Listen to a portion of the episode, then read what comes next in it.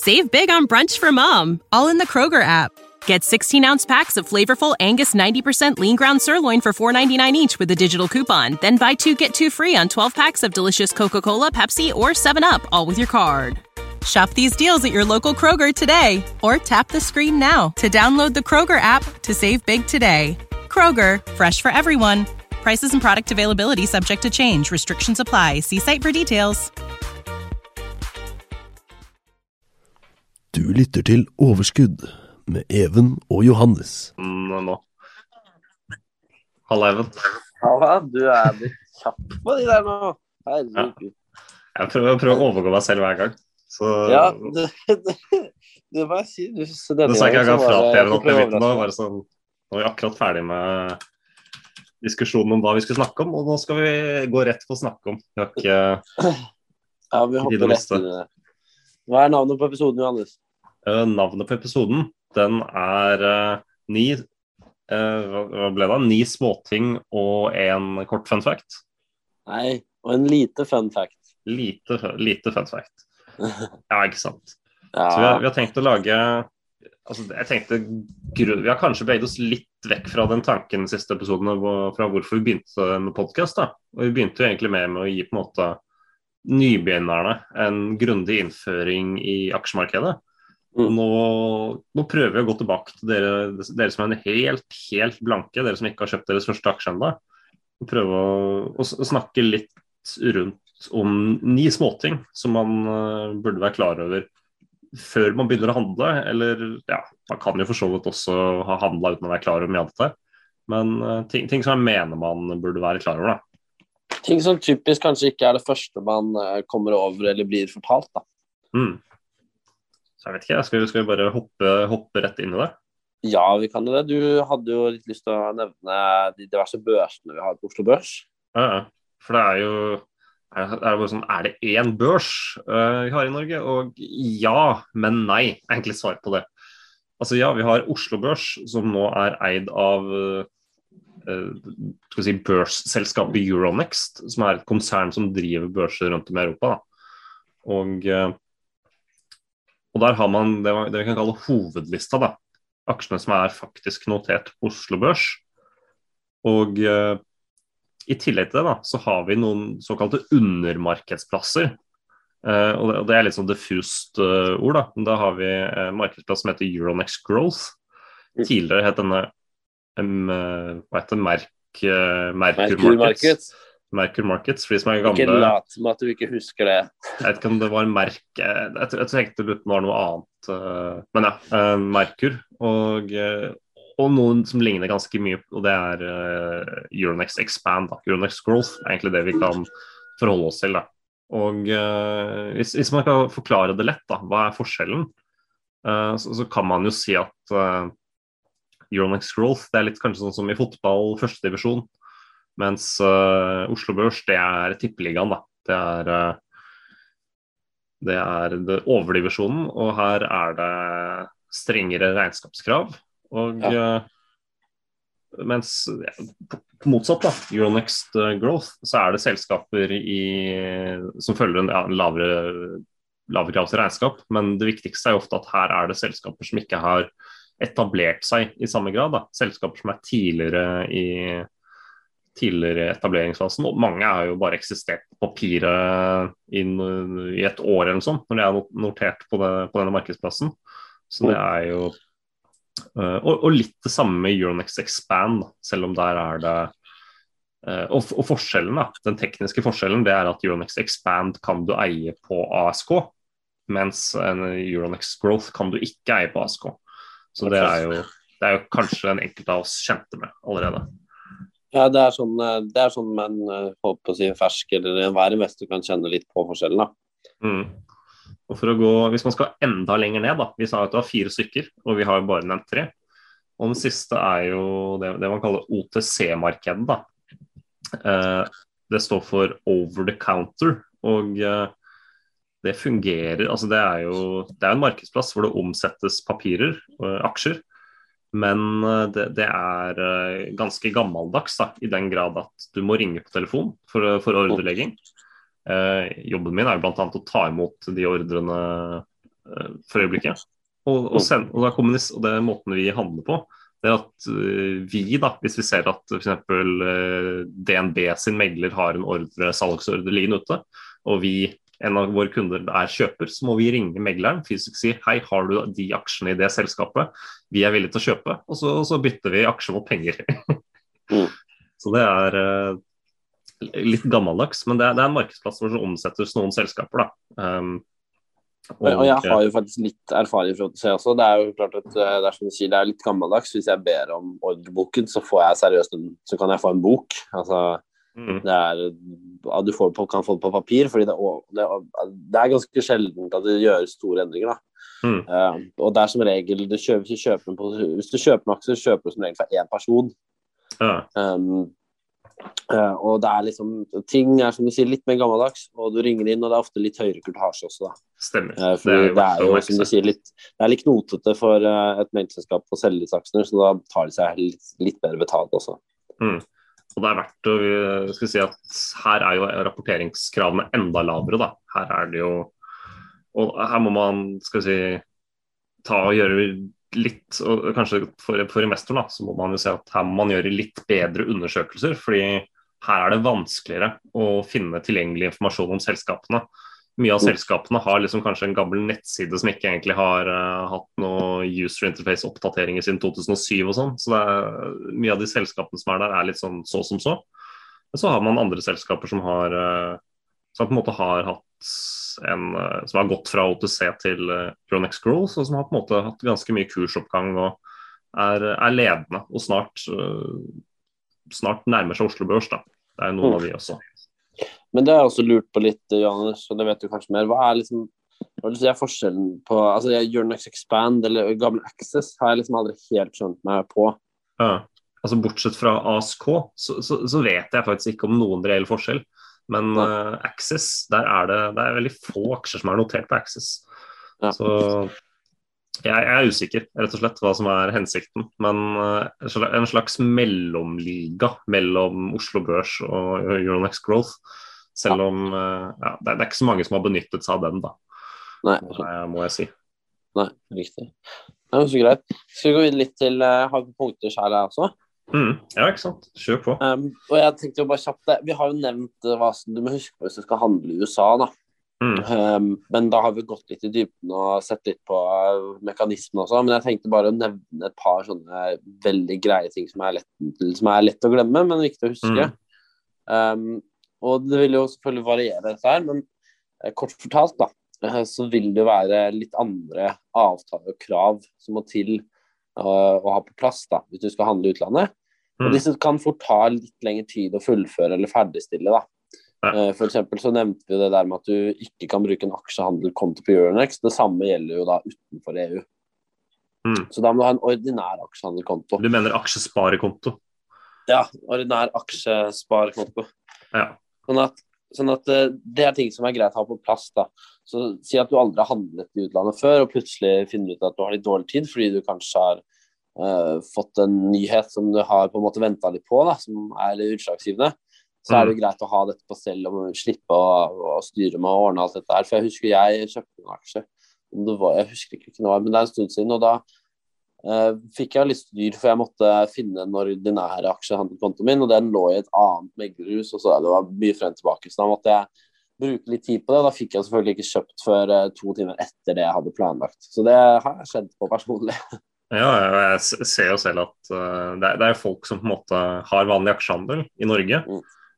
Og så får de tips fra en kompis vil, om at de vil handle i USA. Ringer de oss og spør hva, jeg får ikke handla i USA, hvorfor er, er, ikke det? Og så er det sånn ja, du har ikke, du har ikke bestilt tjenesten internasjonale aksjer, eller uh, aksjehandel i utlandet, eller hva det heter din, hos, din, hos, din, bank. Ja. Og det er jo, og enkelte har jo ikke, tilbyr jo ikke handel i USA. S-banken og eh, Sparebank1 har i hvert fall per i dag ikke mulighet for å handle i USA. Så, så, så, det er greit å være klar over. da, at, uh, og selv om du kanskje ikke tenker å bruke det, så er det sånn, du vet jo aldri om du plutselig får lyst til å legge inn en ordre. Og det er jo klart at 99 eh, av alle aksjer og alle aksjeverdier finnes jo utenfor Norge. Så det er klart at uh, mm, det er jo en ekstrem fordel å kunne lete der også. Selv om ja. det er lett å ta opp seg selv litt òg. Mm. Ikke sant. Og så er det så... greit å nevne at kurtasjen er noe høyere. at vi, Det ligger ofte på en hundrelapp da, i min, ja. som minstepris. Mm. Men alt dette vil også variere. Mm. Det gjør jo det. Sånn at så... hvis du skal kjøpe for én uh, aksje, uh, så vil jo det ha litt å si. Uh, nå er det sånn i Norge at det har blitt så lav kurtasje at du kan nesten kjøpe enkeltaksjer. Mm. aksje gangen. Men med en gang du går til utlandet, så vil jo det ha mye å si. Plutselig så er det 10 av handelen din hvis du skal kjøpe bare én aksje. Da, da begynner det å bli litt. Ja. Og så kan jeg gå videre og nevne bare litt også en ting i USA, da, og det er med valutakursen. Og dette her har vi også snakket om før, men jeg tenkte jeg bare ta det igjen. og det er jo at Hvis du eier en amerikansk aksje, eller hvilken som helst aksje, i en annen valuta enn norske kroner, så mm. vil jo da verdien av porteføljen din endre seg til alle døgnets tider. Uh, I og med at valutamarkedet aldri er stengt. Uh, det er vel stengt på søndager, da, faktisk. Men, uh. Er det faktisk stengt på søndager, da? Det er faktisk stengt på søndager. Du ser ikke yes. kursutviklinger da. Men det, det, går på natta ellers, og det går Det er i hvert fall mye mer åpent enn det er, enn det er stengt. Og vi har jo sett diverse krakk i valutaer opp igjennom. Mm. sånn at det er jo klart det at Er det ikke Mexico det er ganske stor utvikling nå? Eh, jeg har ikke fulgt med på det. Jeg lurer på det er Mexico, faktisk. At det er en stor vekst. Men jeg er litt usikker. Ikke at det er for god fisk. Men, men igjen, mm. så essensen da, er jo at selv om aksjemarkedet er stengt, så betyr ikke det at porteføljen din ikke påvirkes. Mm. Så vi har jo nevnt da tidligere at en kursoppgang den vil jo kunne nøytraliseres eller faktisk føre til negativ avkastning uh, over et visst tidspunkt, hvis da norske krona styrker seg. Uh, rett og slett fordi hvis du har, si du har en posisjon i 100 dollar, uh, når hvis dollaren ikke er verdt like mye i forhold til nok, så vil du jo tape penger, da. Selv om mm. den eventuelt går opp litt. Ja, og det er også greit. En annen ting som angående innenfor valuta, som man også må være klar det er jo at selve kostnaden av transaksjon Altså, du har jo kurtasje, da. Og i tillegg så vil mange mange som ikke har valutakontoer, vil, vil det også måtte belastes for en, altså en valutatransaksjonskostnad. Da. Vekslingskurs, som det heter på godt norsk. Mm. Um, og i enkelte tilfeller så kan det, hvis du har billig, billig kvitasje i f.eks. Danmark, Sverige eller noe sånt, uh, så kan også det bli en vesentlig del av uh, kvitasjen du betaler. Da. Det er rett og slett valutaveksling. Så det er, uh, er i hvert fall en liten ting å være bevisst på. Nei, men igjen, det er sånne ting som kan dukke opp. da. Mm. Sånn at uh, Hvis man ikke er obs, så, så, blir man utsatt. Det er jo derfor noen velger å ty til uh, valutasikrede fond og den slags. Ja, ikke sant. Uh, ja, skal jeg ta neste punkt, eller? Ja, eller jeg kan jo bare kjapt nevne en Jeg kan ta et kjapt punkt. Eller vet du hva, kjør på. Kjør på. Ja, takk. Vi, og det, den er kanskje det letteste for de som er helt mange, mange, vet jo hvordan det ligger i ordre. De fleste har kanskje kjøpt en aksje før. da men uh, det er fortsatt mange som gjør noe, gjør noe snodig feil av og til. Um, for når du legger inn en kjøpsordre, eller, eller, salgsordre for den saks skyld, så er det egentlig i utgangspunktet tre ting du må oppgi. Da. Det er uh, til hvilken pris ordren skal legges ut, og det, det, det, kaller man da en limit. Altså, du sier at Hvis du legger inn en kjøpsordre, så det, kan du si at din limit er 50 kroner. Uh, det, det vil da si at du er villig til å betale 50 kroner for den aksjen. Uh, og hvis, hvis uh, meglerhuset finner ut at ok, på børsen nå så finner vi aksjer for 40, 48 kroner, du, du, du, du, er villig til å betale 50, da tar vi alle de til 48. Uh, og så ser vi ja, det er noen på, 50, nei, på 49, de tar vi også. Og så ser vi at det er noen på 50 blank, da tar vi de også. Så du får uh, De finner jo de aller billigste aksjene først uh, før de går på den nøyaktige limiten, som er det siste, da. Til og med, blir det da. Så, så, så det er jo Mange, mange, er her, mange spør jo sånn her hvis, de, hvis jeg legger de på 50, får jeg ikke de på 48 da? Uh, og jo, det gjør du.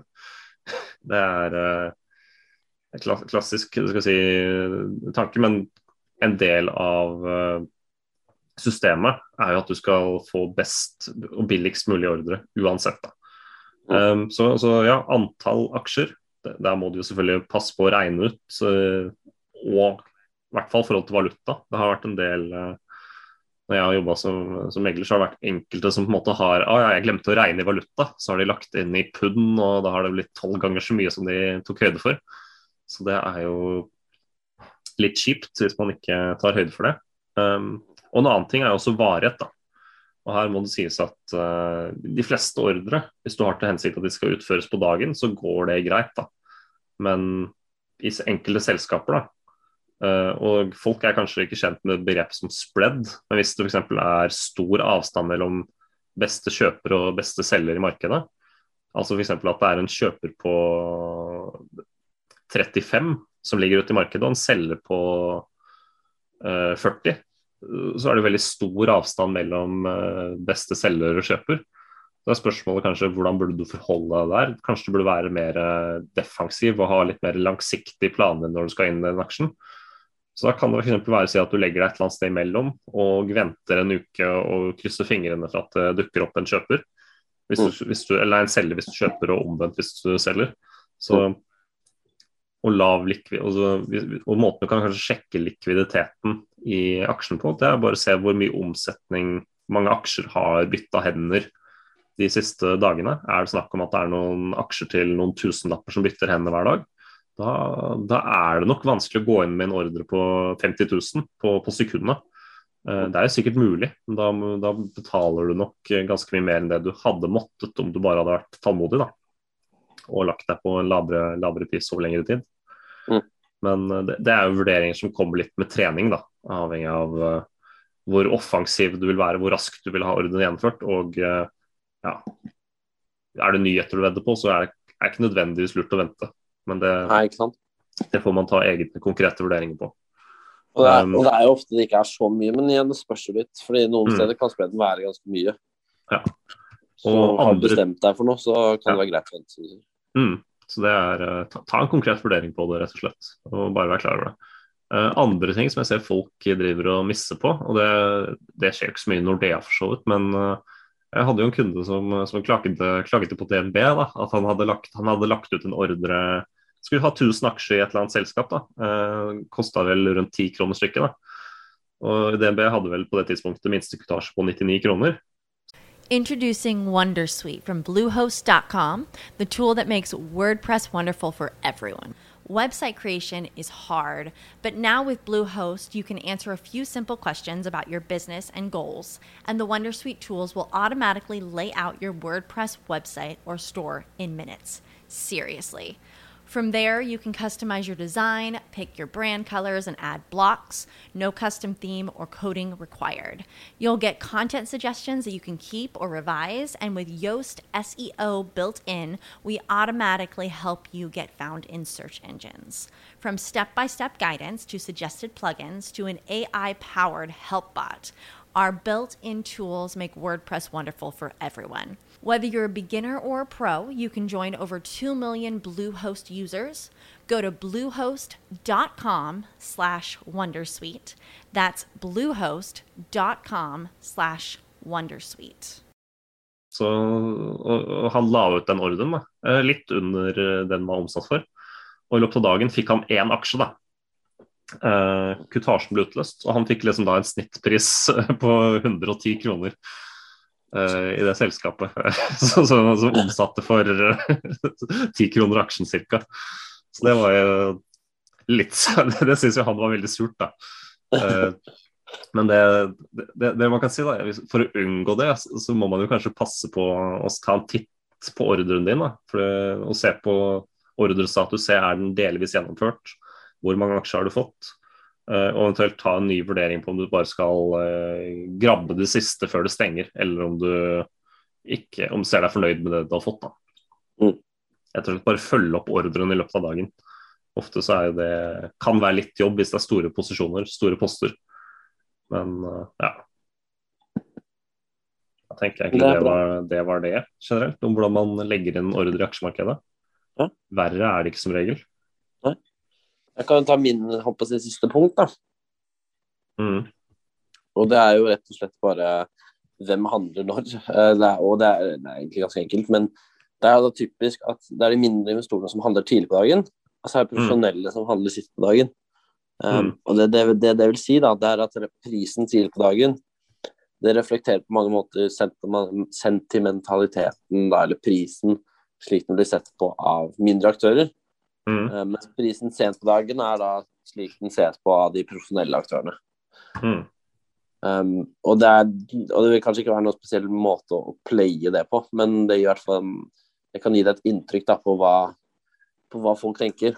Eventuelt hvis du vil vite litt sånn røkla, hvor røkla står da, i din analyse, så kan det være en ting som er greit å vite om.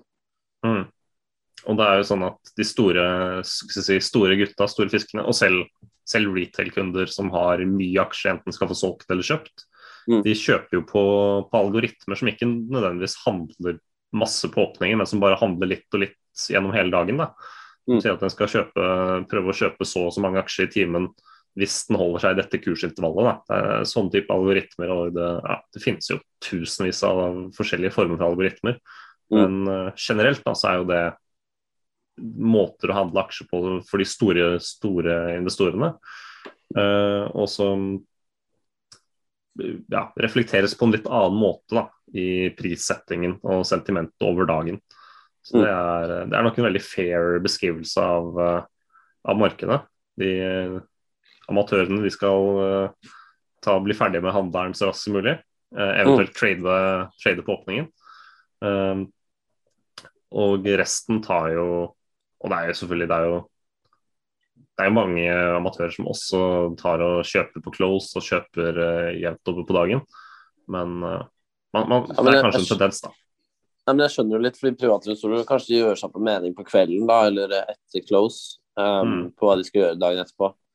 Men hvis du er profesjonell, da, så har du jo et gjennomgående syn på hva en pris skal være. Mm. at hvis du ser en mulighet du syns funker um, for deg i løpet av dagen, så tar du det heller da. ikke sant? Fordi det, det er ikke så, så nøye når du kjøper, da, fordi du vet Mm. hva du er villig til å betale. Ja, ikke sant. Mm. Men har du eh, noe mer, eller? Ja, jeg har, jeg har litt flere punkter. Um, Kjør på. og det ene er jo at det er snakk Når man handler aksjer, så Og det er ofte si, en typisk ting folk ringer megler eller ringer telefonen vår på. da, Eh, og Det er at de bare lurer på hvorfor trekkes ikke pengene med en gang. Hvor eh, de ser at det har gått, gått en dag, da, og de får da, de skal selge aksjer. Og så de, så ser de at pengene de er ikke kommet på konto ennå.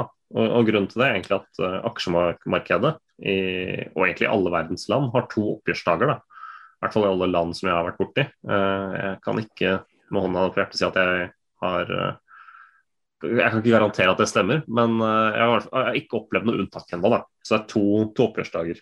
Og det vil da si at aksjene forsvinner jo også fysisk ut av kontoen to dager senere. da. Og de fleste, fleste har jo laget en fin løsning i dag som, som viser at aksjene forsvinner når salget er gjennomført, slik at ikke du blir forvirra eller prøver å selge igjen eller ja.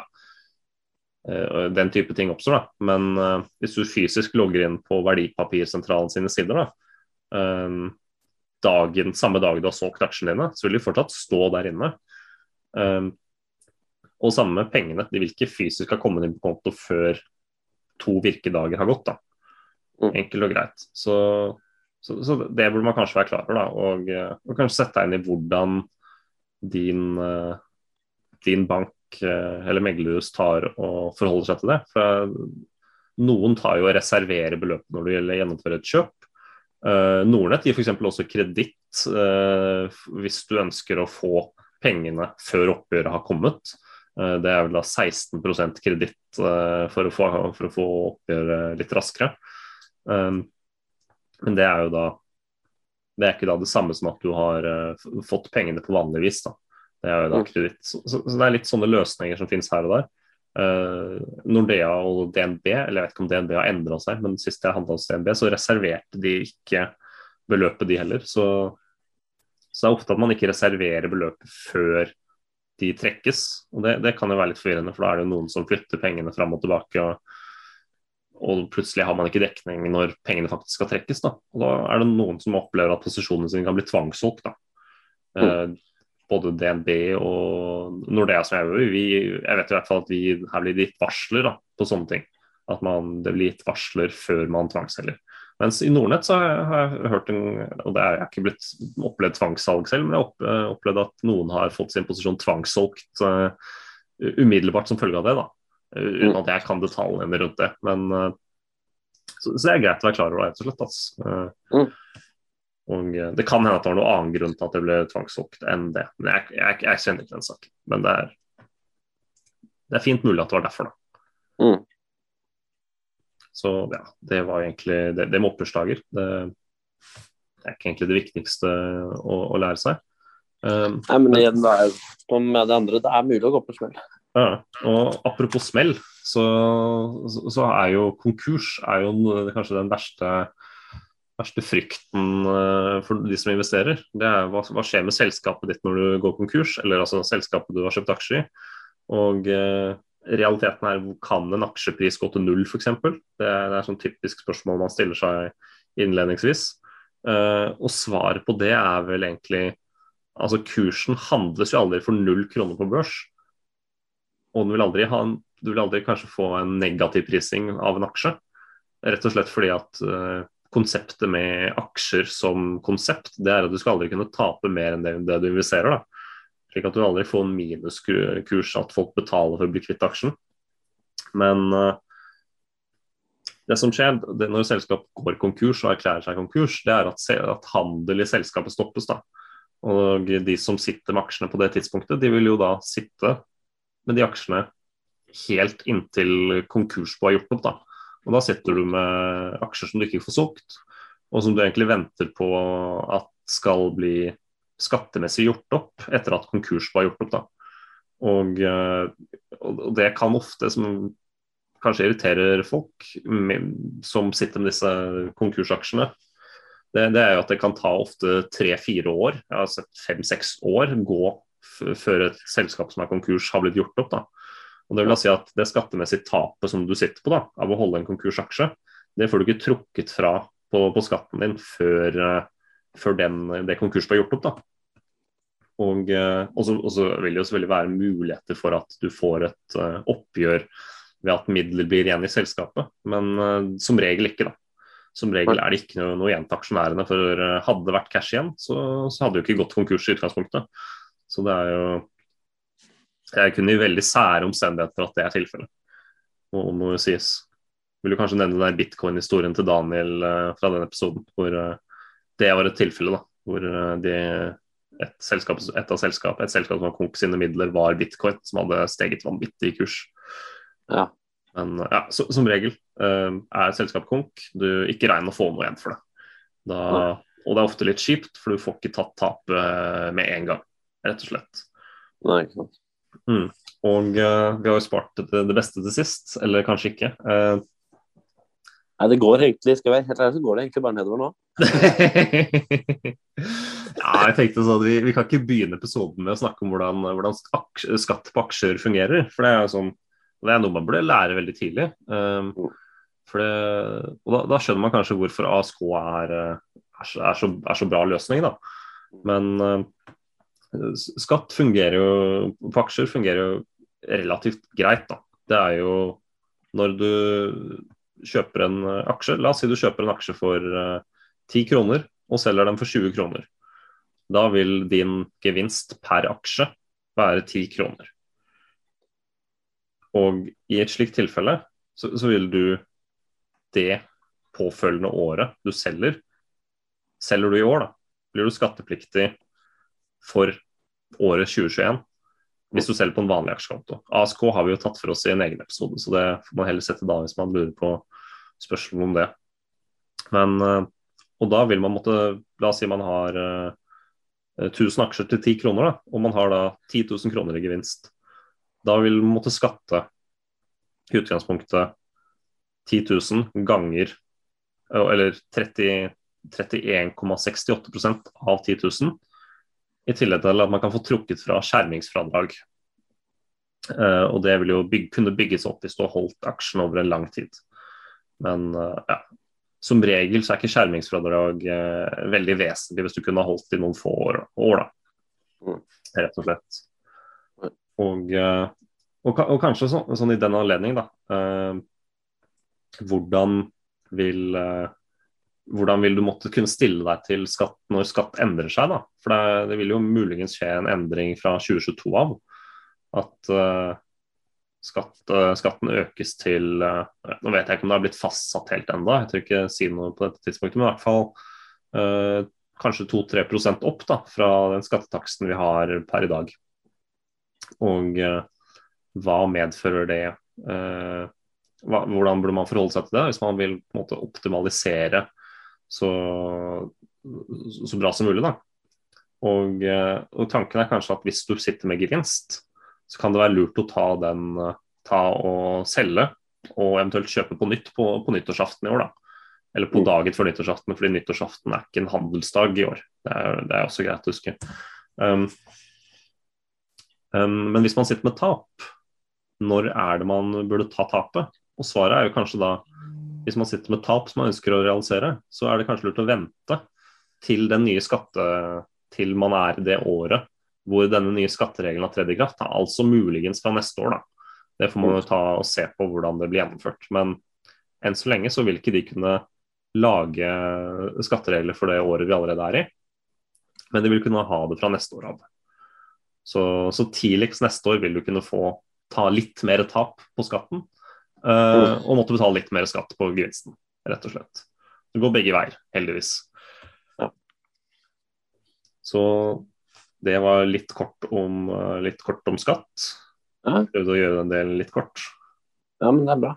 Det er jo mm. egentlig bare én ting igjen, og det er den mest negative av dem alle. ja, hva har, hva har du brukt for oss? Jo, nei, det er jo en lite fun fact. Uh, men det er verdt å merke seg, og det er viktig. Det er at markedsverdien til SOP 500 nå, den er jo da lik 177 uh, ish av USAs BNP. Mm.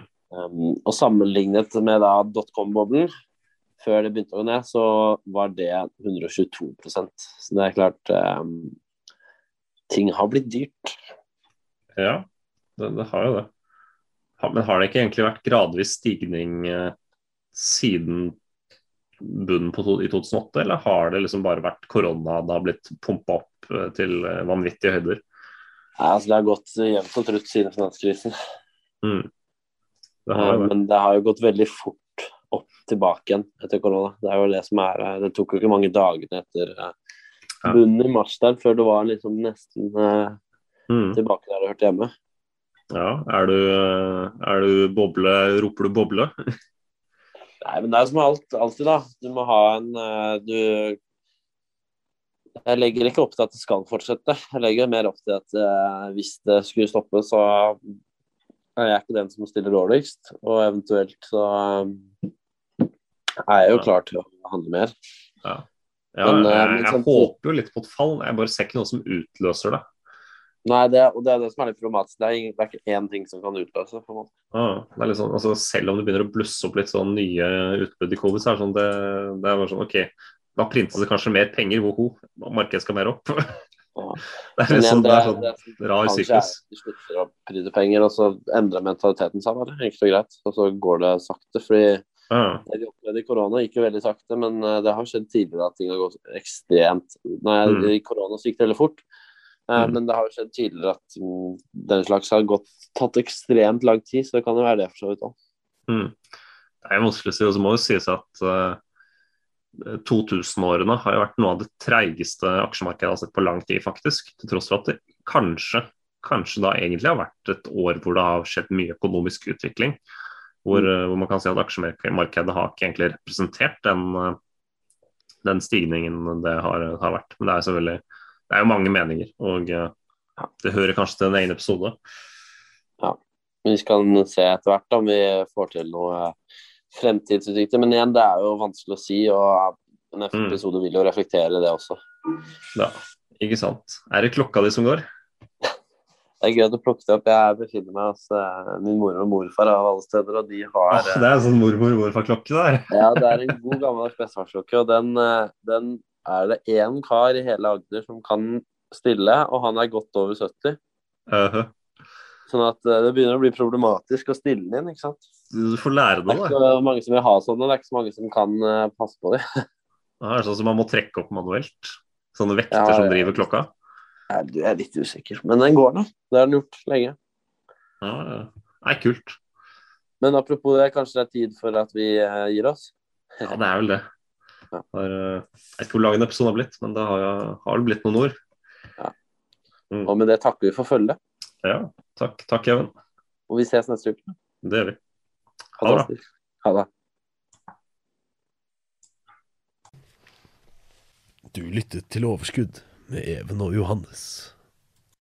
Save big on brunch for mom, all in the Kroger app. Get 16 ounce packs of flavorful Angus 90% lean ground sirloin for $4.99 each with a digital coupon. Then buy two get two free on 12 packs of delicious Coca Cola, Pepsi, or 7UP, all with your card. Shop these deals at your local Kroger today or tap the screen now to download the Kroger app to save big today. Kroger, fresh for everyone. Prices and product availability subject to change. Restrictions apply. See site for details.